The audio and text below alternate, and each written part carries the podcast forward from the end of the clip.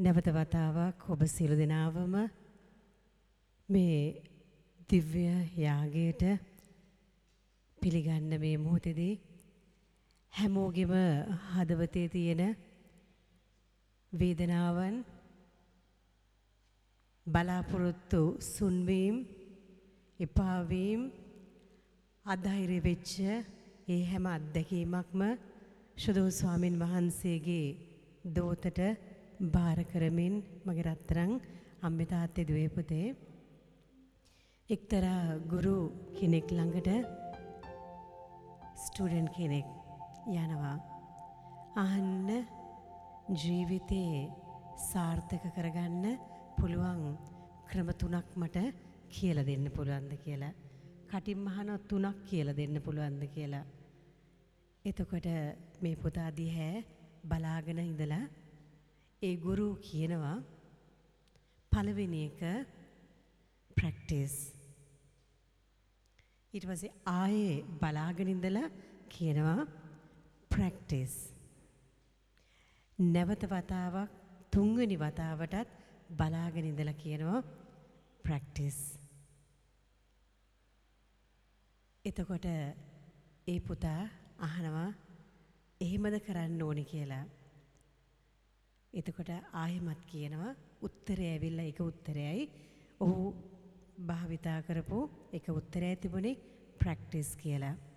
ඉතින් මං හිතන්නේ රත්තරන් අම්මේ තාත්තේ දුවේ පුතේ මම ඉස්සලා කිව්වා වගේ ජීවිතේ මොන කුණාටු අත්දැකීමක ගියත් අපිව නැවත ඒ ස්පිරිතුව ඔසව ගන්නට පුළුවන් එක දෙයයි තියෙන්නේ ඔබ ස්ක්‍රීන් එක ඉස්සරහා ඉඳගෙන සමහර වෙලාවට අපිත් එක්ක සම්බන්ධ වෙනවා වෙන්න පුළුවන්. එහෙමත් නැත්නම් ඔබ ඔන්ලයින් ගිහිල්ලා තවත් වැඩ කර කර සමහර විට වචනය අහගෙන ඉන්න පුළුවන්. නමුත් ඔබ ප්‍රැක්ටිස් එකක් හැටියට සමහරලාට අපිට පුළුවන් කාලේ ඔබ ආවා. උදේ පාන්දර නැගිටගෙන ඔබ ආවා. නමුත් දැන් එහෙම කරගන්න බැරි කොට ඔබ කොහොම හරි ඒ පුරුද්ද ප්‍රැක්ටිස් එක ඒ පුරුද්ද පවත්වාගෙන යනවා. ඉතින් ශුදෝ ස්වාමීන් වහන්සේ ඉල්ලන්නේ අපෙන් ඒ දෙයයි. එහෙමනම් අපිට මෙතනින් ගොඩ වෙන්න තියෙන එකම ක්‍රමයයි තියෙන්නේ. එහෙමනම් ඒ ස්පිරිචුවල් එක්සයිස් එක ඒ ගමන සාර්ථක කරගන්න අධ්‍යාත්මික ගමන සාර්ථක කරගන්න අපේ ඇද වැටීම් තුළින් අපේ බලාපොරොත්තු සුන්වීම් වලින් ඒ වගේම අපේ අපහසුතාවයන් වලින් මිදෙන්නට ස්වාමිනේ මේ ප්‍රායෝගිකව අපි කරන මේ උත්සාහය සාර්ථක කරන්නට කියලා අද දවසේදී නැවත වතාවක් ස්වාමින් වහන්සේ තුල දැහැන් ගත වෙමු. මතක් කරගෙන මේ මොහොත වෙනකොට මරණයත් එක්ක පොරබදින අපේ සහෝදර සහෝදරයෝ. ඔක්සිජන් ටිකක් නැතුව පොරබදින දුර්වලලා ඉන්න ඒ වගේම අසනීප වෙලා ඉන්න ක්වොරන්ටයින් සෙන්ටර්ස් වල ඒ වගේම ස්පිරිතාල වල ඉන්න හැමෝම එකතු කරගෙන අපි මේ දිව්‍ය යාග්‍ය පුද දෙමු.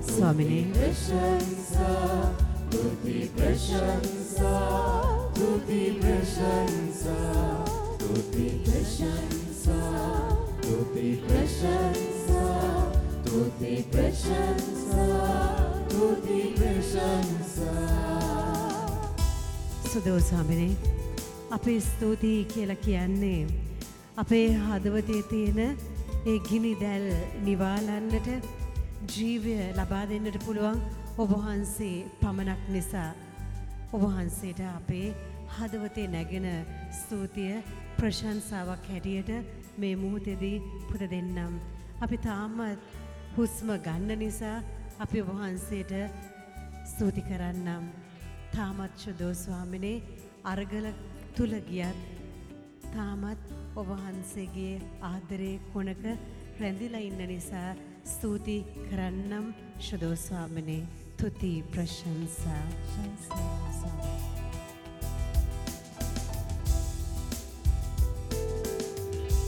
අදවේදනා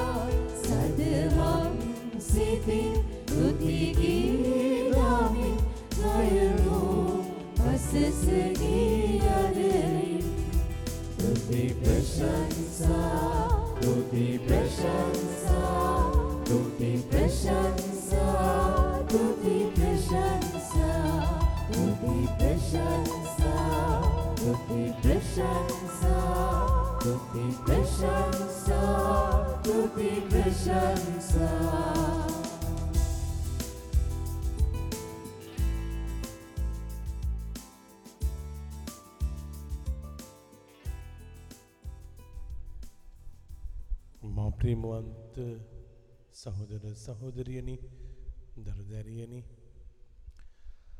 දෙවියන් වහන්සේ මවපු හැම දවසක්ම යහපත් දවසක් හැම මොහොතක්ම යහපත් මොහොතක් දෙවියන් වහන්සේ ඔබේ මගේ ජීවිතයට අවශ්‍ය කරන දේ අවශ්‍ය වෙලාවට අවශ්‍ය පුද්ගලයාගෙන් ලබා දෙනවා. අපිට අවශ්‍ය වෙන්නේ ඉවසීම. මේ ඉවසීම කියන දේ අපේ ජීවිතවල නැතුව ගියොත් අපි කලබලකාරී මිනිස්සුන් කියලා අපි හෙළිදරව් කරන්නට යනවා. අපි කලබලකාරී මිනිස්සු වෙනකොට අපේ ජීවිතවලට එන්න එන්න අන්ධකාරය ඇතුල් වෙන්න පටන් ගන්නවා. එනිස මිනිස්සුන්ගේ ජීවිත වැරදිලා නැහැ. මිනිස්සුන්ගේ ජීවිත වරද්දගෙන අපි දන්නෙම නැතුව ඉමෝෂනල් වෙලා හැඟීම් බර වෙලා ඊට පස්සේ අපිට මොනවක්වත් පේන්නේ නැහැ. මොකද අපි හැඟීම් බරයි. අපිට හැම වෙලාවෙම හිතෙන්නේ මම හරි කියලා. එනිසා මේ පොළොව තලයේ තුල අපි ජීවත් වෙද්දී මුළු ලෝකයා අපි දිහා බලාගෙන ඉන්නවා. ඒක ඇත්ත.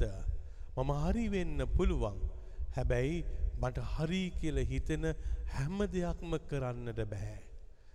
මට හරි කියලා හිතෙන හොඳයි කියන හිතෙන හැම දෙයක්ම කරන්නට බෑ. මොකද අපි ඒක විග්‍රහ කරලා බලන්නට ඕනේ ඒ තැනට උචිතයිද ඒ දවසට උචිතයිද ඒ මොහොතට උචිතයිද ඒ පරිසරයට උචිතයිද කියලා අපි බලන්නට ඕනේ. එහෙම බලන්නේ නැතුව හිතන හිතන දේවල් ඔක්කොම දැනිච්ච වෙලාවෙ කරොත් සමහර වෙලාවට අපිට වැරදෙන්න පුළුවන්. එනිසා අපි ස්වාමින් වහන්සේට කිම ස්වාමිනී මේ කාල පරිච්ඡේදයේදී අපිට ජීවිතය කියන දේ වරද්ද ගන්න නෙමෙයි ජීවිතය කියන දේ ගොඩ ගන්න ගොඩ එන්න ආදර්ශමත් ලෙස ජීවත් වෙන්න ඔබ වහන්සේගේ දේව ශක්තිය දේව බලය අපිට දෙන්න.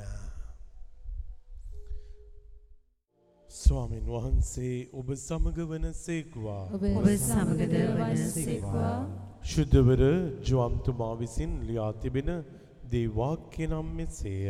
ස්වාමිනී ඔබ වහන්සේට මහිමය වේවා ජේස්වාමින් වහන්සේ දොළොස් දෙනා අමතා ඔබත් ඉවත්ව යන්නට සිතන්න හොදැයි ඇසූ සේකා. සීමෝන් පේදුරු පිළිතුරු දෙමින් ස්වාමිනී අප කවරෙකු වෙත යන්නද සදාතන ජීවනයේ වචනේ ඇත්තේ ඔබ වහන්සේ වෙතය. ඔබ දෙවියන් වහන්සේගේ ශුද්ධවරයාණන් වහන්සේ බව අපි අදාමු. එසේම ඒ බව දනිමුයි කීය. ජේස්වාමින් වහන්සේ කතාකොට ඔබත් දොළොස් දෙනා තෝරා ගත්තේ මම නොවෙන්ද එනමුත් ඔබෙන් එක් කෙනෙක් යක්ෂයෙක් යයි වදාළ සේක. එසේ වදාලේ සිමොන් ස්කොරියොත්ගේ පුත්‍ර වූ ජූදස් ගැනය. ජේස්වාමින් වහන්සේ පාවා දෙන්නට සිටි දොළොස් දෙනාගෙන් එක්කෙනෙක් වූ ඔහුයා. ප්‍රේමේ සුභාරංචය නම් මෙසේය. ක්‍රිස්තුනී ඔබ වහන්සේට ප්‍රශංසා වේවා අම්මිතාතිපුතිදුවේ මල ගෙදරකට ගියාම ඒ මල ගෙදර ඉන්න අය අඩන්නේ එක දෙයක් කියලා. ඔයා මාව දාලා යනවද අම්මේ. ඔයා මාව දාලා යනවද තාත්තේ. ඔයා මාව දාලා යනවද ඩාලිං. මේ විදියට තමයි ගොඩක් අය අනන්නේ. එතකොට මේ දාලා යනවයි කියන එක අතහැරලා යනවයි කියන එක මනුස්ස මට්ටම තුළ ලොකු පීඩනයක් බවට පත්වෙනවා. මේක මේ සමාජය තුළ තිබෙන්නා වූ දෙයක්. එනිස මේ දැනීමක් තියෙනවා මගේ අය මාත් එක්ක ඉන්න ඕනා. මගේ අය මට නැති කරගන්න ඕනේ නැහැ. එනිස ජේස්වාමින් වහන්සේට කිසිම මොහොතක ඕන වුණේ නැහැ උන්වහන්සේගේ ගෝලයන්ව නැති කරගන්න. එනිස උන්වහන්සේ නිරන්තරයෙන්ම මොකද කරේ මේ ගෝලයන්ව හමු වුණා ගෝලයන්ත එක්ක කතා කරා ගෝලයන්ට ඉගැන්නුවා ගෝලයන්ත එක්ක ජීවත් වුණා ගෝලයන්ත එක්ක කෑම ටික කෑවා ගෝලයන්ත එක්ක නවාතැන් ගත්තා. උන්වහන්සේ නිරන්තරයෙන්ම මෙයින්ටේන් කරා මේ රිලේෂන්ෂිප් එක. අපි අරගෙන බැලුවොත් සමහර වෙලාවට මේ රිලේෂන්ෂිප් එක මේ සම්බන්ධතාවය මෙයින්ටේන් කරන්න අපිට වෙනම අධ්‍යයනයක් නැහැ. අපිට ස්කෝලෙ කියල දෙන්නේ නැහැ මේ රිලේෂන්ෂිප් එකක් මෙයින්ටේන් කරන්නේ කොහොමද. එතකොට අපි ආයතනයක් මෙයින්ටේන් කරන්නට යනවා. අපි දේශය මෙයින්ටේන් කරනවා. අපි ගොඩක් දේවල් මෙයින්ටේන් කරනවා අපේ වාහන මෙයින්ටේන් කරනවා. හැබැයි මේ රිලේෂන්ෂිප් එක මෙයින්ටේන් කරන්න අපිට හරි අවබෝධයක් නැහැ. එනිසා මොකද වෙන්නේ අපිත් එක්ක ඉන්න අය ටික දවසක් යනකොට අපිව අමතක කරලා දානවා. අපිව අතහැරලා දානවා. අපිව තනි කරලා දානවා. එතකොට දැන් හරි ලේසි අපිට චෝදනා කරන්න. මාව දාලා ගියා. මාව අතහැරලා දැම්මා. මාව අමතක කරා. දැන් එතකොට මේ චෝදනාව කාටද දෙන්නේ? අනිත් පාර්ශ්වයට චෝදනාව දාලා නේ මං වගේ කෙනෙකුට එහෙම කරානේ. මං වගේ කෙනෙකුට එහෙම කරා.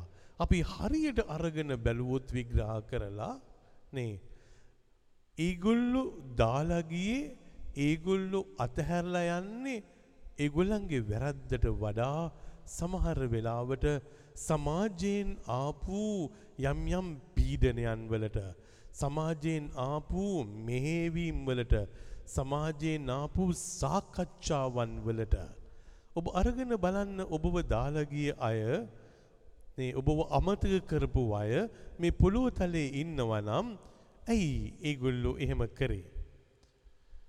ඒකට තවත් පාර්ශ්වයක් මැදහත් වෙලා තවත් පුද්ගලයෝ මැදහත් වෙලා සාකච්ඡා වටයන් වලට සම්බන්ධ වෙලා. එතකොට මේ එළියේ ඉන්න අය මොකද කරන්නේ? දන්නේම නැතුව ඇතුලේ ඉන්න කෙනාගේ ජීවිතයෙන් නේ එයාව එළියට ගන්න එක තමයි කරන්නේ. අපි අරගෙන බලන්න පවුලක් අරගෙන බැලුවොත් භාර්යාවට සම්බන්ධ වෙලා භාර්යාවව අපි එළියට ගන්නවා. ස්වාමි පුරුෂයාට සම්බන්ධ වෙලා ස්වාමි පුරුෂයාව එළියට ගන්නවා. ඒ ගෙදරින්. දරුවන්ට සම්බන්ධ වෙලා ඒ දරුවන්ව ඒ පවුලෙන් එළියට ගන්නවා. එළියට අරගෙන මොකද කරන්නේ? ඊට පස්සේ මට ඕන විදියට මම හැන්ඩල් කරන්න පටන් ගන්නවා. එතුට මේ ජූදස්ගේ ජීවිතය නේ එදා දවසේදී නායක පූජ්‍යකයෝ පරිසිවරු විනේදරයෝ ට්‍රයි කරේ මොනවටද. ඔහුව අන්තිම රාත්‍රී භෝජනයේ වෙලාවේ එලියට ගන්න. සාතන් එකයි කරේ. සාතන් හරිම සූක්ෂමයි සාතන් මොකද කරන්නේ මේ පවුල කියන කුටුම්බය කියන තැනින් අපිව එලියට ගන්නවා. එලියට අරගෙන එතනින් එහාට අපිට වටිනාකම් කීපයක් දෙනවා. එතකොට දැන් මේ ජූදස්ට වටිනාකමක් හම්බ වෙනවා. මොනවටද? රිදී තිහක වටිනාකමක් හම්බ වෙනවා. එතකොට ජූදස් හිතෙනවා නේ මට මේ රිදී තිහ තියෙනවා නම් කොච්චර හොඳයිද? නේ මම ලොකු වැරද්දක් කරන්නේ නෑනේ. ඒගොල්ලන්ට මේ ඉන්නේ ජේසු කියලා කියන්නයි යන්නේ. එතකොට නේ මට රිදී තිහක් තියෙනවා ජේසුත් ඉන්නවා. සිතුවිල්ල හොඳයි. ජේසු අල්ලගන්න බෑ මොකද ජේසු අල්ලගන්න ආපු හැම වෙලාවෙම ඒගොල්ලෝ ෆේල් වුණා. ඒගොල්ලෝ try කරා. ඒගොල්ලන්ට බැරුව ගියා. ජේසු අල්ලගන්න පුළුවන් කමක් ඇති වුණේ නැහැ. එහෙනම් මේ පාරත් ජේසු අල්ලගන්න බෑ. මට ඕනනම් ගිහිල්ලා මේ තමයි ජේසු කියලා පෙන්වන්න පුළුවන්. හැබැයි නේ මට සල්ලිත් හම්බ වෙනවා ජේසුත් ඉතුරු වෙනවා. මනුස්ස මට්ටම තුල සිතුවිල්ල එහෙම වෙන්න පුළුවන් ආත්මත්කාමිත්වය තුළ. හැබැයි මොකද වුණේ. ඔහු අර ජේස්වාමින් වහන්සෙත් එක්ක හිටපු ජූදස් එලියට ආවා. අරගෙන බලන්නම් මේ තාත්තිපුතිදුවේ නේ. අපි එලියට ආවට පස්සේ අපේ ජීවිත ගොඩක් අය ඇතුල් වෙලා හැන්ල් කරන්න පටන් ගන්නවා. ඔබේ දරුවා ඔබේ පවුලෙන් එලියට ආවට පස්සේ ඔබගේ ස්වයංපුරුෂ භාර්යාව එලියට ආවට පස්සේ ඊට පස්සේ මොකද වෙන්නේ? ඇතුළට එන්න බැරි වෙන තරමටම මේ ඇතුළේ තියෙන අඩුපාඩුව මතු කරවනවා. ඒකයි ප්‍රශ්නේ. අපි කතා කරනකොට සාකච්ඡා කරනකොට හැමේලෑම කියන්නේ මේ ඇතුලේ මොනතරම් හිස්ද? ඇතුලේ වටිනාකමක් නෑනේ ඇතුලේ සතුටක් නෑනේ ඇතුලේ බලයක් නෑනේ ඇතුලේ දිරියක් නෑනේ ඇතුලේ කිසිම ගැම්මක් නෑනේ ඇතුලේ ඒ නිසා මොකද කරන්නේ? මේ සතුට ගැම්ම පිළිගැනීම මිල මුදල් මේ ඔක්කොම ඔබට ලැබෙනවා. ඔබ මේ කුටුම්බයෙන් ඔබ මේ පවුලෙන් ඔබ මේ සංඝයෙන් එළියට ආවට පස්සේ. ඒ නිසා රත්නම් මේ තාත්තිපුති දුවේ අපි මනුස්ස මට්ටම තුල පරිස්සම් වෙන්නට ඕනේ. මොනවටද මාව එළියට ගන්නද යන්නේ නැත්නම් මාව ඇතුළට යවන්නද යන්නේ මේක තමයි අවශ්‍ය වෙන්නේ. එලියට ගන්න මිනිස්සු දේව දූතයෝ වගේ අපි ගාවට එන්න පුළුවන්. එලියට ගන්නයි. හැබැයි දේව දූතයෙක් වෙන්නට ඕනේ එලියට ඇවිල්ලා ඉන්න කෙනාව ඇතුළට යවන්නයි. මේක තමයි අමාරු. එලියට ගන්න එච්චර අමාරුවක් නැහැ. ඉවත් කරන්න එච්චර අමාරුවක් නැහැ. ඉවත් වෙලා යන්න එච්චර අමාරුවක් නැහැ. වචන ටිකක් විතරයි කියන්න තියෙන්නේ. මට නම් උගලන්ත එක කිසිම සතුටක් නැහැ. මං යනවා මගේ ලෝකේ හොයාගෙන. එච්චරනේ කියන්න තියෙන්නේ. නේ. ඒක කිව්වා මම ආවා එළියට. ඉතින් ඊට පස්සේ ජීවිතේ කියන දේ දවසින් දවස අපකීර්තියට පත් වෙනවා. ඒකයි මේ වෙනස. අපි ගෙදරින් එන්න පුළුවන්. හැබැයි අපකීර්තියට පත් වෙනවා. එනිසා තමයි මම ගොඩක් වෙලාවට තාත්තලට කියනවා අම්මලට කියනවා ඔබේ කුටුම්බෙන් ඔබේ පවුලෙන් එළියට එන්න එපා. එළියට ආවොත් ඔබ ටික දවසක් යනකොට සමාජයේ ඉදිරියේ ලැජ්ජාවට පත් වෙනවා. කවුරුවක්වත් නැහැ ඒ ලැජ්ජාවට පත් වෙනකොට ඒ චරිතය ඒ ජීවිතය බේරගන්න. ඒ නිසා පවුල ඇතුලේ ඉන්න තාක්කල් පරම්පරාව ඇතුලේ ඉන්න තාක්කල් තංගී මල්ලි සහෝදර සහෝදරියෝ ඒ ඥාතීන් මේ ඔක්කොමත් එක්ක ඉන්න තාක්කල් නේ ඒ කුටුම්බය විනාශ වෙන්නේ නැහැ. ඒ නිසා තමයි ෆැමිලි ගැදරින් එක වැදගත් වෙන්නේ. ඒ නිසා තමයි සාංගිකත්වය වැදගත් වෙන්නේ. ඒ නිසා දැන් යන්න දීලා යනවා ගියා කියලා ඉන්නවට වඩා එන්න දීලා නේ ඇතුළේ තියාගන්න එක තමයි වැදගත් වෙන්නේ. සමා වෙන්න. එතකොට රත්නම් මේ තාත්තිපුති දුවේ ජේස්වාමින් වහන්සේ යනවට කැමති වුණේ නැහැ.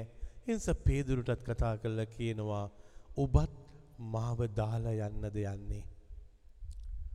මාව දාලා යන්නද යන්නේ. එතකොට දාලා යන්න ඕන තරම් හේතු කාරණා තියෙනට පුළුවන්. දාලා යන්න. හැබැයි ඉන්න හේතු කාරණා අපි හොයන්න පුරුදු වෙන්න ඕනේ. පේදුරු හෙව්වේ ඉන්න හේතු කාරණාවක්. ඒක තමයි වෙනස. අපිට දාලා යන්න හේතු කාරණා කියන්න ඕන තරම් පුළුවන්. මට පිළිගැනීමක් නැහැ, මට ආදරයක් නැහැ, මට කරුණාවක් නැහැ, මට දයාවක් නැහැ, මව තේරුම් ගන්නේ නැහැ, මව ඉවසන්නේ නැහැ, මට සලකන්නේ නැහැ, මට ඇඳුම් දෙන්නේ නැහැ, මට කන්න දෙන්නේ නැහැ, මට ඉඳුම් මිටුම් නැහැ. ඔක්කොම මට නැහැ. ඒ නිසා මට මෙතන මේගොල්ලන්ත් එක්ක ජීවිතයක් නැහැ. එතකොට දාලා යන්න පුළුවන්. ජීවිතයක් නැහැයි කියලා දාලා යන්න පුළුවන්. හැබැයි නේ පේදුරුගේ විශේෂත්වය වුණේ නේ ස්වාමින් වහන්සේ අහනකොට ඔබත් ඉවත් වෙලා යන්නද යන්නේ කියලා ඔහු චේස් ස්වාමින් වහන්සේ ළඟ තිබිච්ච කිසිම අඩුපාඩුවක් මතක් කරගත්තේ නැහැ. චේස් ස්වාමින් වහන්සේ ළඟ තිබිච්ච දේවිකත්වය මේක තමයි හෙව්වේ. අහලා බලන්න ඔබේ ගෙදරින් ඔබ එළියට එන්නට යනකොට ඔබේ භාර්යාවගෙන් එළියට එනකොට ඔබේ ස්වාමි පුරුෂයාගෙන් එළියට එනකොට ඔබේ අම්මා තාත්තගෙන් එළියට එනකොට ඔබේ දරුවන්ගෙන් ඔබ එළියට එනකොට හදවතට අහලා බලන්න ඔබ දුර්වලකම් නිසා නෙමෙයිද එළියට එන්නට යන්නේ. ඔවුන්ගේ අඩුපාඩුකම් නිසා නෙමෙයිද ඔබ එළියට එන්නට යන්නේ. එතකොට ඔබ අඩුපාඩුකම් දකින්නේ නැතුව ඔවුන්ගේ තියෙන අවගුණ දකින්නේ නැතුව ඔබට පුළුවන් වුණොත් ඔවුන් තුළ තිබුණ ඒ දේවිකත්වය ඔවුන් තුළ තිබුණු ඒ දේව බලය ඔවුන් තුළ තිබිච්ච ඔරිජිනල් කෝලිං එක ඒක ආය මතක් කරගන්නට ඕනේ. ඉනිසයි සාමාන්‍යයෙන් කියන්නේ ලෝකේ ඉන්නේ එක අම්මයි ලෝකේ ඉන්නේ එක තාත්තයි ඒ දරුවන්ට. ඊට පස්සේ ආයෙත් සම්බන්ධතාවයක් නේ ඇති වෙනවා. ලෝකේ ඉන්නේ එක පුතයි එක දුවයි. ඒ ලේ නෑකමකුත් එක්ක දෙවියන්ගේ ඔරිජිනල් කෝලිං එක. ඔරිජිනල් කෝලිං එක. ඒ නිසා තමාගේ ස්වාමි පුරුෂයාට අමතරව තව කොච්චර ආශ්‍රය කරත් එතනදී කියන්නේ නැහැ ස්වාමි පුරුෂයා කියලා. ඊට පස්සේ එතනින් කියන්නේ දෙවෙනි මිනිහා හොර මිනිහා හරි මොනවා හරි තමයි කියන්නේ. නේ. ඇයි ඒ ආශ්‍රය කරද්දි කොච්චර ගෙනාවත් වැඩක් නැහැ. නේ. ඒ නිසා මේ ඔරිජිනල් කුටුම්බය ඔරිජිනල් සම්බන්ධතාවය මේක ජීවිතේ අපි කඩා ගන්න හොඳ නැහැ. ඒක කඩාගත්තට පස්සේ දවසින් දවස දවසින් දවස ප්‍රශ්න ඇති වෙනවා මිසක අපේ ජීවිතවල සතුටක් ඇති වෙන්නේ නැහැ. తాවකාලික සතුටක් ඇති වෙනවා. తాවකාලිකයි. momentary happiness. නේ. හැබැයි එතනින් එහාට මොනවත් නැහැ. yaadiන්නේ නැහැ. යන්න බෑ. ජර්නි එකක් නැහැ. ඒ නිසා තමයි රත්තරනම් මේ තාත්තිපුතේ දුවේ පේදුරු කියනවා මට ඔබ වහන්සේගෙන් ඉවත් වෙලා යන්න බැහැ. මේක ඔරිජිනල් කෝලිං එකක්. මේකට මේක සඳහා තමයි මාව මෙතනට උපවහන්සේ ගෙන්න ගත්තේ මේ පවුලට ගෙන්න ගත්තා. මේ දිව්‍ය මේ පවුලකට ගෙන්න ගත්තා. ඒක මන් දාලා යන්නේ නැහැ ආයෙත්. මේ නිසා මං සමහර වෙලාවට පූජාත්‍රය තුළ මගේ ජීවිතේ මං කල්පනා කරද්දී අ, මට හිතලා තියෙනවා සමහර දවස්වල මොකද්ද මේ ජීවිතයේ පූජාත්‍රය කියන්නේ මොකද්ද මේ නේ ප්‍රශ්න එනකොට කරදර එනකොට පාළුව එනකොට තනිකම එනකොට ලෙඩ එනකොට කරදර එනකොට මිස් අන්ඩර්ස්ටෑන්ඩින් එනකොට අනිත් අය වරදවත් තේරුම් ගන්නකොට සමහර මොහොතවල වල හිතිලා තියෙනවා මේ ඔක්කොම පැත්තක දාලා ඔළුව හැරුණාතේ යනවානේ. මොකද්ද මේ ජීවිතේ කියලා හිතිච්ච අවස්ථාවන් තියෙනවා. හැබැයි ආපස්සට ආයෙත් හිතෙනවා නැහැ. මම ස්වාමි කෙනෙක් වෙන්න නේ දෙවියන් වහන්සේ තෝරගෙන ඒ පූජාත්‍රය තුල මාව තිබ්බනම් ඒ පූජක කර්තව්‍යයන් මං කවදා හරි කරලා මා මිය ඇදෙන්නෙත් කවදා හරි පූජකෙක් වශයෙන්ම තමයි. මා මිය ඇදෙන්නෙත් පූජකයෙක් වශයෙන්ම තමයි. මිය ඇදෙන තුරා මේ මම දුන්න පොරොන්දුවට මම දෙවියන් සමග ජීවත් වෙන්නට ඕනේ. දැන් මේක ඇතුලෙන් එන එකක්. එක පැත්තකින් එනවා මේ ඔක්කොම අමාරුයි දාලා යන්න ඕනේ කියලා. තවත් පැත්තකින් එනවා මේ මුහුතිදි නැහැ නපුරා අන්ධකාර බලවේගයට නේ පහලා යන්නයි කියලා අන කරන්න හිතෙනවා. ඒ නිසා නේ ඔබ ඉන්න තැනින් ඔබට යන්න හිතෙනවා නම් දෙපාරක් නෙමෙයි තුන් පාරක් නෙමෙයි ගොඩක් යාඥා කරන්න. ඔබ ඉන්න තැනින් ඔබට යන්න හිතෙනවා නම්. ඔබේ ස්වාමි පුරුෂයාගෙන් ඔබට එළියට යන්න හිතෙනවා නම්. ඔබේ භාර්යාවගෙන් ඔබට එළියට යන්න හිතෙනවා නම්. ඔබේ කුටුම්බයෙන් ඔබේ පවුලෙන් ඔබේ දරුවන්ගෙන් ඔබේ අම්මා තාත්තගෙන් ඔබට එළියට යන්න කවදා හරි හිතුනොත් එදාට එකපාරටම තීන්දුවක් ගන්න එපා. එකපාරටම ගන්න එපා. දෙවියන් වහන්සේ ඉදිරියේ දන ගහගෙන කියන්න මට යන්න බැහැ මට ඉන්නයි ඕනේ. මට ඉන්නයි ඕනේ. හිස සමහර වෙලාවට මම සමහර අයට කියන ඔබ ඉන්න කියපුවාම මට කියන දේ තමයි ෆාද නේ බැඳලා නෑනේ. එනිසා ෆාදට තේරෙන්නේ නැහැ. නේ ඉන්න කිව්වට ඉන්න බෑනේ. ඉන්න කිව්වට ඉන්න බෑ. නේ ජීවත් වෙන්න කිව්වට ජීවත් වෙන්න බෑ. නේ සන්තෝෂ වෙන්න කිව්වට සන්තෝෂ වෙන්න බෑ. දැන් එතකොට රත්නම් මේ තාත්ති පුතේ දුවේ නේ මගේ ජීවිතේ නෙමෙයිද වෙනස් කරගන්නට ඕනේ. මට ඒගොල්ලන්ව වෙනස් කරන්න බෑනේ. ඒගොල්ලන්ව වෙනස් කරන්න බෑනේ. එනිසා ජේසුස් ස්වාමීන් වහන්සේ පේදුරුව තියාගන්නකොට උන්වහන්සේ ගාව තිබිච්ච දේවිකත්වය නැති කරගත්තේ නැහැ. ඒ නිසා මොකක්ද උනේ? රෙස්පෙක්ට් කියන එක තමා තුළ තිබිච්ච රෙස්පෙක්ට් එක නැති කරගත්තේ නැහැ. ඒ නිසා කාටවත් දාලා යන්න බැරුව ගියා. නේ සාතන් මේ මොහොතේදී පාවලා දුන්න නැත්තම් සාතන් මෙහෙවපු කෙනා ඇරෙන්න. ඒ නිසා මොනවද කියන්නේ? සීමොන් පේදුරු පිළිතුරු දෙමින් ස්වාමිනී ස්වාමිනී අපි කවරෙකු වෙත යන්නද අපි කවරෙකු වෙත යම්ද සදාතන ජීවනයේ වචනය ඇත්තේ සදාතන ජීවිතයේ වචනය ඇත්තේ ඔබ වහන්සේ වෙතය. ඔබ වහන්සේ වෙතය. එතකොට දැන් අම්මේ තාත්ති පුතේ දුවේ දැන් ගිය මිනිස්සුන්ව අරගෙන බලන්න ගෙදරින් ගිය අයව අරගෙන බලන්න ඇයි ගියේ කියලා. ගහපු නිසාද ගියේ කෑ ගහපු නිසාද ගියේ පුච්චපු නිසාද ගියේ එල්ලපු නිසාද ගියේ නැහැ. ඒගොල්ලෝ ගියේ ඒකට නෙමෙයි. වචනය කතා කරනකොට රිදෙනවා. කතා කරනකොට බනිනවා. කතා කරනකොට කෑ ගහනවා. කතා කරනකොට එපා වෙන්න කතා කරනවා. ඒ නිසා තමයි එතන ගැප් එකක් ආවේ. වචනය හරියට පරිස්සමින් කතා කරේ නැත්නම් එතනදී ගැප් එකක් එනවා. මිනිස්සු ඒ නිසා තමයි ගොඩක් වෙලාවට කියන්නේ මගේ මහත්තයා මේ තරම් ආදරයෙන් මට කතා කරේ නෑනේ. මට ආදරයෙන් කතා කරන කෙනෙක් හම්බුණා ෆාදර්. ඒ නිසා මම වැරදි කරලා නැහැ. මං ආදරයෙන් කතා කර කර ඉන්නවා දැන් එයත් එක්ක. මම ශාරීරික සම්බන්ධතාවයකට ගිහිල්ලා නැහැ. නමුත් මං කතා කර කර ඉන්නවා. එයා කතා කරද්දි නේ මට හරි මිහිරි වගේ. එයා කතා කරද්දි හරියට මට තේරුම් ගන්න පුළුවන්. එයා කියනවා දැන් කෑම කෑවද කියලා අහනවා. නේ නිදාගත්තද කියලා අහනවා. බෙහෙත් ගත්තද කියලා අහනවා. දැන් කොහොමද කියලා අහනවා. ඇඟට කොහොමද කියලා අහනවා. හිතට කොහොමද කියලා අහනවා.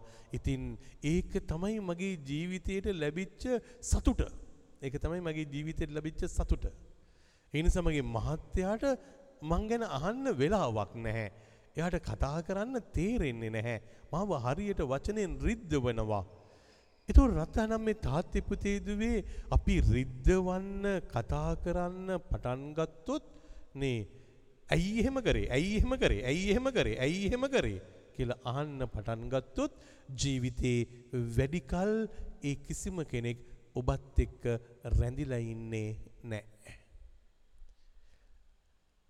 මනුස්ස මට්ටම තුල හැම වෙලාවෙම බලන්නේ කොහොමද පුළුවන් තරම් ඉක්මනට ෂොට් නේ ෂොට් ඇන්ඩ් ස්වීට් කතාවක් තමයි තියෙන්නේ. හලෝ හලෝ කොහොමද? කොහොඳයි කෑවද? ඔව්. නින්ද ගත්තත් හොඳ නින්ද ගියාද? ඔව්. නේ. හෙට උදේ වැඩ තියෙනවද? ඔව්. යනවද? ඔව්. එනවද? ඔව්. රෑ වෙනවද? නෑ. ඔව් නෑ කියන දේවල් විතරයි කතා කරන්නේ. ඇයි ඒ ඊට වඩා වචන කීපයක් කතා කරොත් හිත රිදෙනවා. එනිසා අපි කවුරුත් හිතන්නේ නැහැ නේ වචනය ඒ තරම් ඔබව මාව ඈත් කළදායි කියලා වචනය.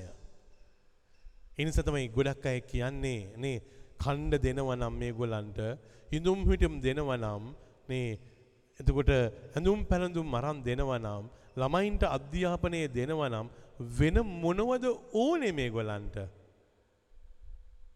එක දෙයක් ඉල්ලාවි. මගේ තාත්තා මට ආදරයෙන් කතා කරන්නට ඕනේ. මගේ අම්මා මට ආදරයෙන් කතා කරන්නට ඕනේ. මගේ ස්වාමි පුරුෂයා මගේ භාර්යාව මට ආදරයෙන් කතා කරන්නට ඕනේ. මගේ දරුවෝ මට ආදරයෙන් කතා කරන්නට ඕනේ. එතකොට රත්නම් මේ තාත්තිපති දුවේ මේ ආදරයෙන් කතා කරන එක නේ හදිස්සියේ පහළ වෙනවද නැහැ. තාත්තා කතා කරන විදියට තමයි සූරයන් තුල තමයි අන්තිමට පුතා හරි දුව හරි කතා කරන්නේ. ඒ සුවර ඒ නිසානේ සාමාන්‍යයෙන් ගායකයෝන්ගේ පුතාලා ගායකයෙක් වගේම සිං කරන්නේ. ඒ සුවරවලට යනවා. එතකොට අපි දන්නෙම නැතුව නේ එක්තරා කාලයක් ආපුවාම අර අම්මා කතා කරපු ස්වරය තාත්තා කතා කරපු ස්වරය දැන් අපේ ජීවිතවලට ඇතුල් වෙලා අපි කතා කරනකොට අනිත් ඔක්කොටම රිදෙනවා. ඇඩ්මිනිස්ට්‍රේෂන් වලට පරිපාලනයට අපි ඉහළ ස්වර දා ගන්නවා නේ බනිනවා කෑ ගහනවා නේ පරිපාලනයට දා ගන්නවා හැබැයි කවදක්වත් හිතන්නේ නැහැ. මං දාපු ඒ සුවරේ තමයි අන්තිමට භාර්යාවගෙන් එළියට එන්නේ ස්වාමි පුරුෂයාගෙන් එළියට එන්නේ දරුවන්ගෙන් එළියට එන්නේ. මං දාපු සුවරයා මං දාපු විදිය මම දාපු ඉන්ප්ලාන්ට් කරපු එක. ඒ නිසා ජේසුස් ස්වාමින් වහන්සේගේ වචනය තුල තිබුණා නේ බලයක් ජීවනයක්. ඒ නිසා නේ පේදුරු කියනවා කොහේ යන්නද සදාතන ජීවනයේ වචනය ඇත්තේ වහන්සේ තුළ විතරයි. එනිසා වහන්සේ කතා කරනකොට මගේ ජීවිතය වෙනස් වෙනවා. ඔබ වහන්සේ කතා කරනකොට මගේ ජීවිතයට අරුතක් ලැබෙනවා. ඔබ වහන්සේ කතා කරනකොට මට නේ ගැලවීම කියන එක විශ්වාස කරන්න පුළුවන් වෙනවා. ඔබ වහන්සේ කතා කරන විදියට ඔබ වහන්සේ හැන්ඩල් කරන විදියට එනිසා පේදුරු කියනවා සදාතන ජීවනයේ වචනය විතරක් නෙමෙයි. එතනින් එහාට තව එකක් කියනවා. මොනවද කියන්නේ? ඔබ දෙවියන් වහන්සේගේ ශුද්ධවරයන්න් වහන්සේ බව අපි දනිමු. අම්මේ තාත්ති පුතේ දුවේ මට එතන එක වචනයක් හරිම ප්‍රබලයි. මොකද්ද? ඔබ වහන්සේ ශුද්ධවරයාණන් බව මම දනිමි කියලා නෙමෙයි කියන්නේ. නේ. අපි දනිමු. ඒ කියන්නේ මොකද්ද? මම දැනගත්තට මදි නේ මෙයා හොඳයි කියලා. ඒකනේ කරන්නේ. නේ මොනවද කරන්නේ? මට යා හොඳයිනේ. ඒගොල්ලන්ට යා හොඳ නැහැ. හැබැයි මට යා හොඳයි. ඒ නිසා නේ මට හොඳ වුණාට මදි අපිට හොඳ වෙන්න ඕනේ. ඒකයි වෙනස. ඉනිසා මට හොඳ වෙන්න පුළුවන් පේදුරුට මෙතන මට හොඳ වෙන්න පුළුවන් ස්වාමින් වහන්සේ පේදුරුට. හැබැයි පේදුරු කියනවා මේ මොහොතේදී ඒ ශුද්ධවරයාණන් බව නේ මම විතරක් නෙමෙයි දන්නේ අපි ඔක්කොම දන්නවා. ඒ කියන්නේ මොකද්ද පර්සනලි නේ ජේසුව පේදුරු කතාවට විතරක් අල්ලගත්තේ නැහැ. අද අද උත්සාහ කරලා බලන්න අද සමාජය තුළ මොකද වෙන්නේ? ඔයා මාත් එක්ක විතරක්ම කතා කරන්න. උදේට කතා කරන්න, දවල්ට කතා කරන්න, රැයට කතා කරන්න. නේ. ඊට පස්සේ වැඩ කරනවා නම් මාත් එක්ක විතරක් වැඩ කරන්න. හිතනවා නම් මාත් එක්ක විතරක් හිතන්න. ජීවත් වෙනවා නම් මාත් එක්ක විතරයි. පේදුරු ජේසුස් ස්වාමීන් වහන්සේව ආත්මාර්ථකාමී විදියට හැනල් කරේ නැහැ. එනිසා පේදුරු කියනවා උන්වහන්සේගේ ඒ ශුද්ධවන්ත භාවය මම විතරක් නෙමෙයි දන්නේ අපි ඔක්කොම දන්නවා. අපි ඔක්කොම මේ වචනේ දන්නවා. ඒකට මොකද කරේ? ජේසුස් ස්වාමීන් වහන්සේට නේ පේදුරු ඉඩ දුන්නා ජාකෝබ් ලව ඇන්ඩ්‍රු ලව නේ බර්තලෝමස් ලව මේ හැම කෙනාම ආශ්‍රය කරන්න ඉඩ දුන්නා. දැන් මොකද වෙන්නේ? දැන් ආශ්‍රය ඕනෑම තැනක පටන් ගත්ත ගාම මගේ කරගන්නට ඕනේ ආත්මාර්ථකාමී වෙන්නට ඕනේ අනිත් ඇත් එක්ක බෑ. ඔයා මට විතරයි. ඔයා මට විතරයි. ෆ්‍රෙන්ඩ්ෂිප් කොච්චර තියෙනවද? එහෙම පටන් ගත්ත. නේ ඉස්කෝලෙන් ළමයින්ට මම ප්‍රෝග්‍රෑම් කරනකොට හැම වෙලාවෙම කියනවා. මොනවද? කණ්ඩ යනකොටත් කැන්ටිමට ඔයා එන්න යන්. මත් එක කණ්ඩ යනවා. නේ ඊට පස්සේ නේ වැඩ කරන්න යනකොට ඔයා එන්න මත් එක වැඩට යන් ශ්‍රී ලංකාවට යනකොට ශ්‍රී ලංකාවට යනවා උදේ ඉඳලා හැන්දෑ වෙනකම්ම අන්තිමට මොකද වෙන්නේ අර එක පුද්ගලයෙක් වටේ මුළු ජීවිතේම ගොඩනගා ගන්නවා. මුළු ලෝකයා වටේම ජීවිතේ ගොඩනගා ගන්න ඕන අපි අන්තිමට එක පුද්ගලයෙක් වටේ ජීවිතේ ගොඩනගා ගන්නවා. චේස්වාමීන් වහන්සේ පේදුරු එහෙම කරගත්තේ නැහැ. ඒ නිසා මම පේදුරුට හරි ආදරෙයි. පේදුරුතුමාට ආදරෙයි මං ගොඩක්. ඒ ජේස්වාමීන් වහන්සේව ආත්මාර්ථකාමීත්වයේ තුල ඔහුගේ කරගත්තේ නැති නිසා. ඔහුගේ කරගත්තේ නෑ. ජෙස්වාමින් වහන්සේව හැම කෙනාගේම කරගත්තා. එනිසා නේ තුන් දෙනෙක් හතර දෙනෙක් යන්න ඕන කෙනකොට පේදුරු කිව්වේ නැහැ ටාබෝර් කන්දට යනවනම් මාත් එක්ක විතරයි යන්නේ. යන් අපි දෙන්න යන් මාත් එක්ක යන්. එහෙම කිව්වේ නැහැ. අනිත් ඇහත් අරගෙන ගියා. ජෙත්සමනේට යනකොට මාත් එක්ක විතරයි යන්නේ. මම එනවා යන්න යන් මාත් එක්ක. එහෙම කිව්වෙත් නැහැ. නේ අනිත් ඇවත් අරගෙන එන්න. අනිත් ඇවත් අරගෙන එන්න. මේක තමයි වෙනස. පේදුරුතුමා අනිත් ඇයට ජේස්වාමීන් වහන්සේත් එක්ක ජීවත් වෙන්න ඉඩ දුන්නා. පේදුරුතුමා කිව්වේ නැහැ ඔයා මගේ කකුල් දෙක විතරක් හේදුවොත් ඇති. අනිත් ඇගේ කකුල් හෝදන්න ඕනේ නෑනේ. මොකටද අනිත් ඇගේ කකුල් හෝදන්නේ? මම මෙච්චර කකුල දෙන්න කැමැත්තෙන් ඉන්නවනම් මොකටද ඔයා අනිත් ඇගේ කකුල් හෝදන්නේ? එහෙම කිව්වේ නෑනේ. ඔක්කොගෙම කකුල් හෝදනකම් පේදුරු බලාගෙන හිටියා. මේක තමයි දේවිකත්වය. එනිසා පේදුරුතුමා දැක්කේ ක්‍රිස්තුස් වහන්සේගේ ශුද්ධවන්තකම සහ ශුද්ධවර භාවය දැක්ක විතරක් නෙමෙයි ඒක ආත්මාර්ථ ලෙස තමාට කොටු කරගන්නේ නැතුව අපි කියන තැනට ඇවිල්ලා මේගොල්ලෝ ඔක්කොම දන්නවා ජේසු කියන්නේ කවුද කියන තැනට ගෙනාවා. සමහර වෙලාවට ගෙදර ඉන්න තාත්තව දරුවෝ බෙදාගෙන අම්මව දරුවෝ බෙදාගෙන එයා මගේ අම්මා එයා මගේ තාත්තා නේ. මටයි ගොඩක් ආදරෙයි. ඒ නිසා චූටි පුතා ලොකු දුව නේ ලොකු පුතා අන්තිමට කියනවා නේ තාත්ති නම් මටයි ආදරෙයි තාත්ති නම් මටයි ආදරෙයි නේ. ඒ නිසා අම්මි වගේ නෙමෙයි මගේ තාත්ති මාත් එක්කයි ඉන්නේ. නෑ දැන් මොකද කරේ? දන්නේම නැතුව අර තාත්තවත් බෙදාගෙන තාත්තලම්මල කොච්චර ඉන්නවද? නේ මගේ සුදු පුතා කියලා කියනවා එක්කෙනෙකුට අනිත් කෙනාට නම කියනවා. නේ කමල් කියලා එක පුතෙකුට කතා කරලා අනිත් එක්කෙනාට කියනවා සුදු පුතේ පොඩ්ඩක් එන්නකෝ. එතකොට මේ මුහතේදී මොකද කරේ? බබා නම් ඔක්කොම බබාලා තමයි. ලොකු බබා පොඩි බබා ඔක්කොම බබා. නේ එහෙම වෙයිද නැහැ. ඒ නිසා අපි දන්නේම නැතුව මෙයාට මම ගොඩාක් ළඟයි මෙයාට මම ළඟ නැහැ මෙයා ගොඩක් මට ලෙන්ගතුයි මෙයාට මම මෙච්චර ලෙන්ගතු නැහැ. මේ විදිහට කොච්චරනම් අපි මේ මොහොතේදී යම්කිසි ආකාරයෙන් නේ තීන්දුවක් දීලා ජීවත් වෙනවද? මැට නොයියා change of heart. අපිට ආය අවශ්‍යයි. අපි ආයෙත් ඉපදෙමු. අපි ආයෙත් හිතමු. අපි ආයෙත් පතමු අපි ආයෙත් ජීවත් වෙමු. නැත්තම් කාරිය මොකද වෙන්නේ? මේ පුළු තලයේ තව චූටි කාලයක් ජීවත් වෙලා අපි මිය ඇදිලා යාවි. එතකොට නේ ජේසුස් ස්වාමීන් වහන්සේත් ඔබගෙන් අහවි ඔබ ඉවත් වෙලා යන්න යනවද?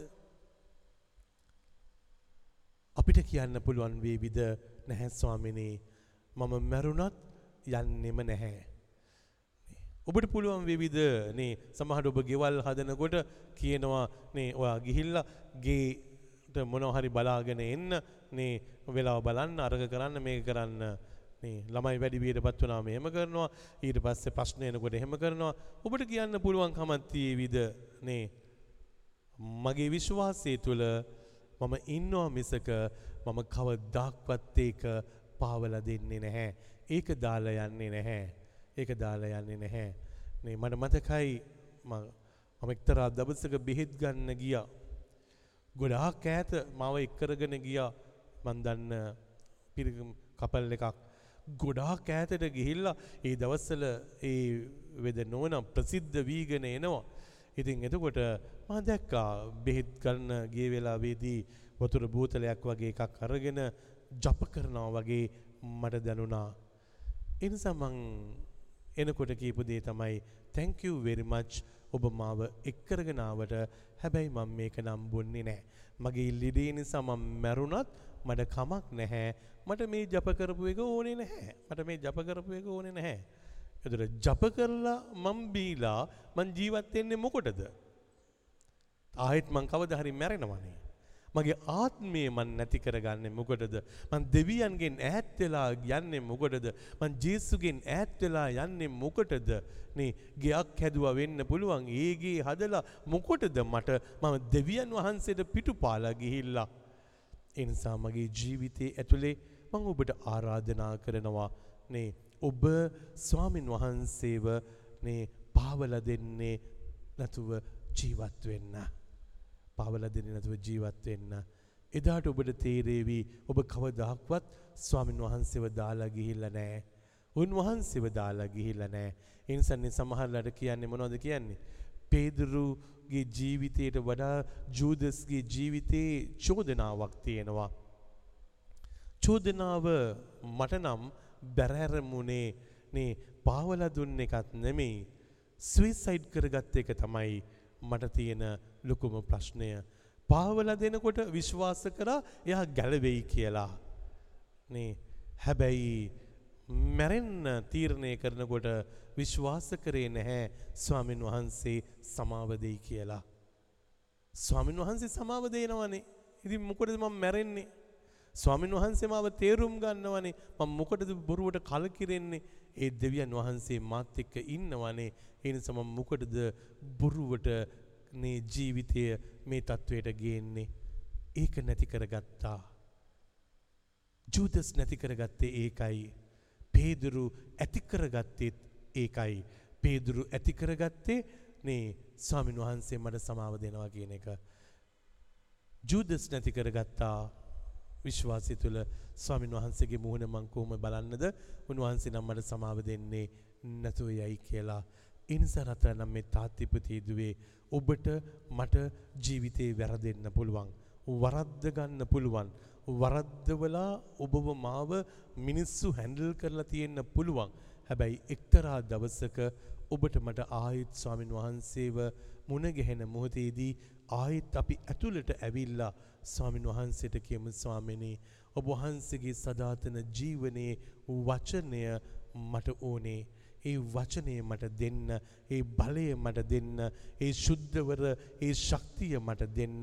එදාට මම ඔබ වහන්සේ වෙනුවෙන්ම ජීවත් වෙලා ඔබ වහන්සේ වෙනුවෙන්ම මිය ඇදෙන්නම්.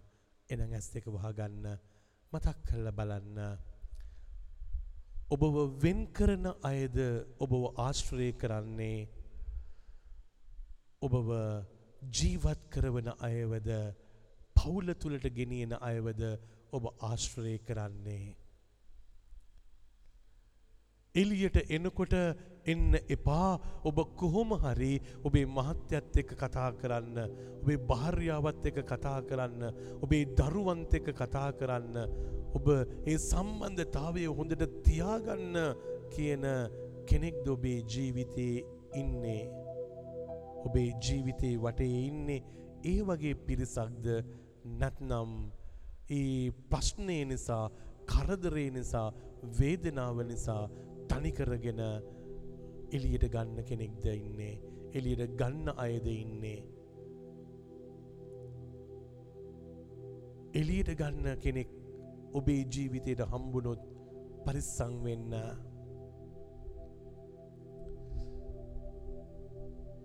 ජුදස්ව ඒ නායක පූජ්‍යකයෝ එලියට ගත්තා. හැබැයි එලියට ගත්තේ සහනයක් දෙන්න නෙමේ. සතුටක් දෙන්න නෙමේ. ජීවත් කරවන්න නෙමේ. විනාශ කරන්නයි එලියට ගත්තේ.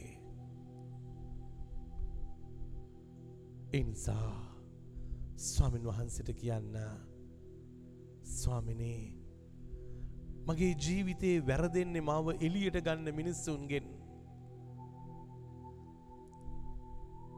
මට ඇතුළට යන්න කියපු මිනිස්සුන් නෙමෙයි මාව වැරද්දෙව්වේ.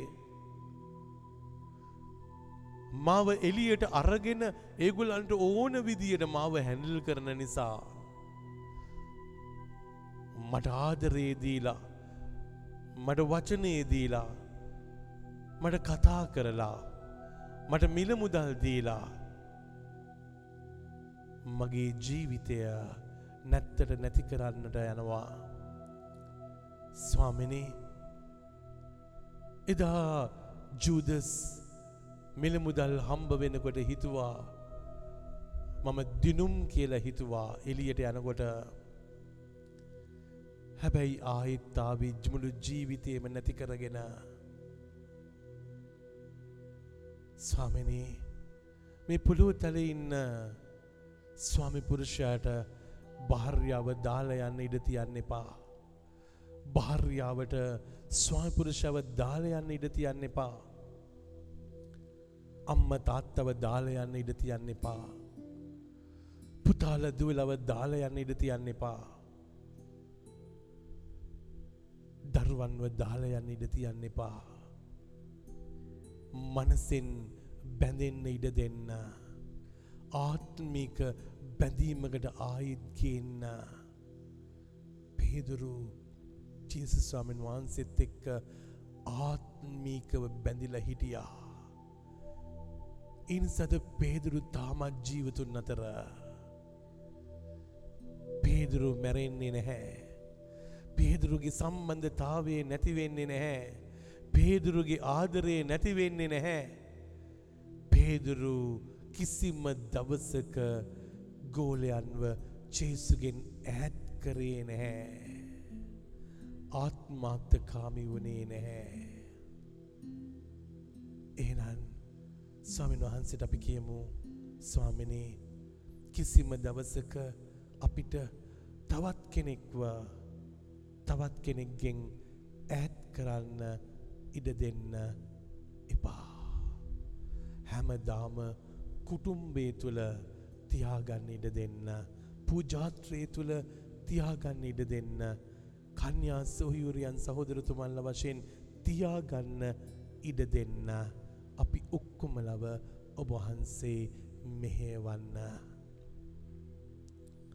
අපි නැගිටිමු යක්ඥා කරමු ස්වාමින් වහන්සේට කියන්න ස්වාමිනි ඔබහන්සේ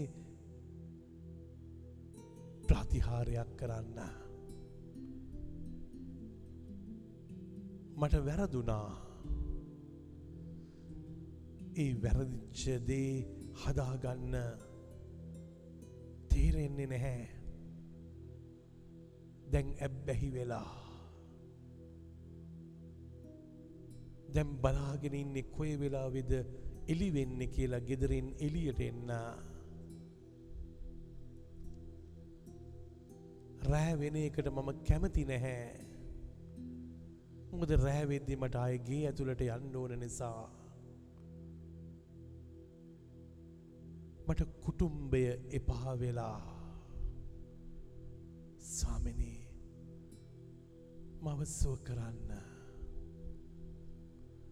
මගේ භාර්යාව ගාවට යන්න මට සුවයක් දෙන්න. මගේ ස්වාය පුරුෂයා ගාවට යන්න මට සුවයක් දෙන්න. මගේ දරුවෝ ගාවට යන්න මට සුවයක් දෙන්න. මං අනිත් ඔක්කෝටම ආදරයෙන් කතා කරනවා. හැබැයි මගේ පුතාට මං කොච්චර සැරයිද? කොච්චර වසයිද?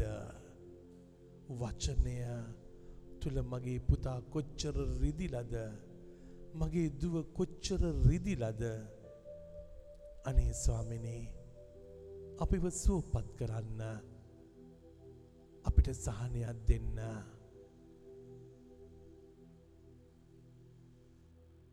මගේ සිත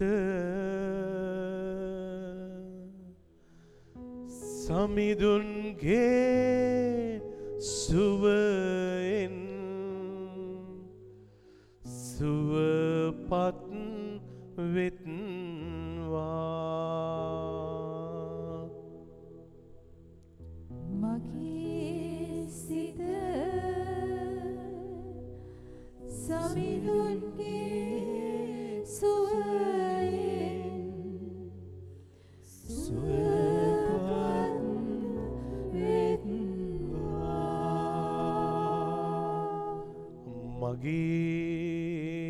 සිත සමිදුන්ගේ ස්පර්ශයෙන් සුවපත් වෙත්වා.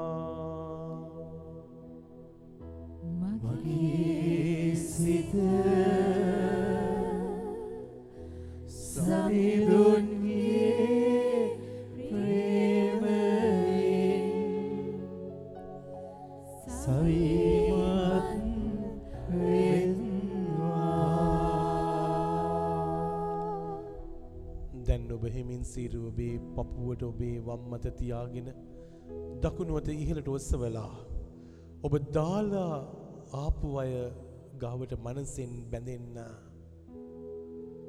ඔබ දාලා ආපු තැන්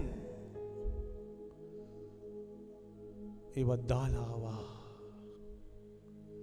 ඒ පුද්ගලයන්ව දාලාවා. ස්වාමීන් වහන්සට කියන්න මං දාලාවා. මට දාලා එන විදියට වැඩ සිදු වුණා ස්වාමිනේ මට ආයෙත් උරුමය දෙන්න ඒ ගෙදරට උරුමය දෙන්න. ඒ පවුල්ලට උරුමය දෙන්න. ඒ සභාවට උරුමය දෙන්න. මගේ පුතාට දුවට මගේ පාර්යාවට ස්වාම පුරුෂයාට මගේ අම්මට තාත්තට මට උරුමේ දෙන්න.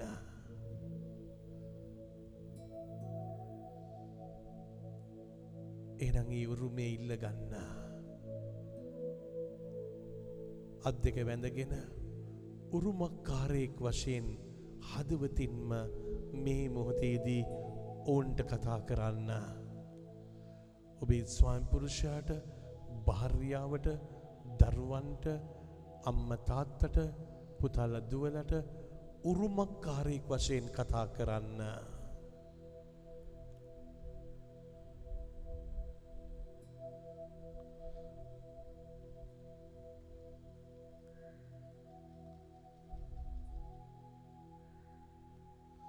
ආදරයෙන් කතා කරන්න.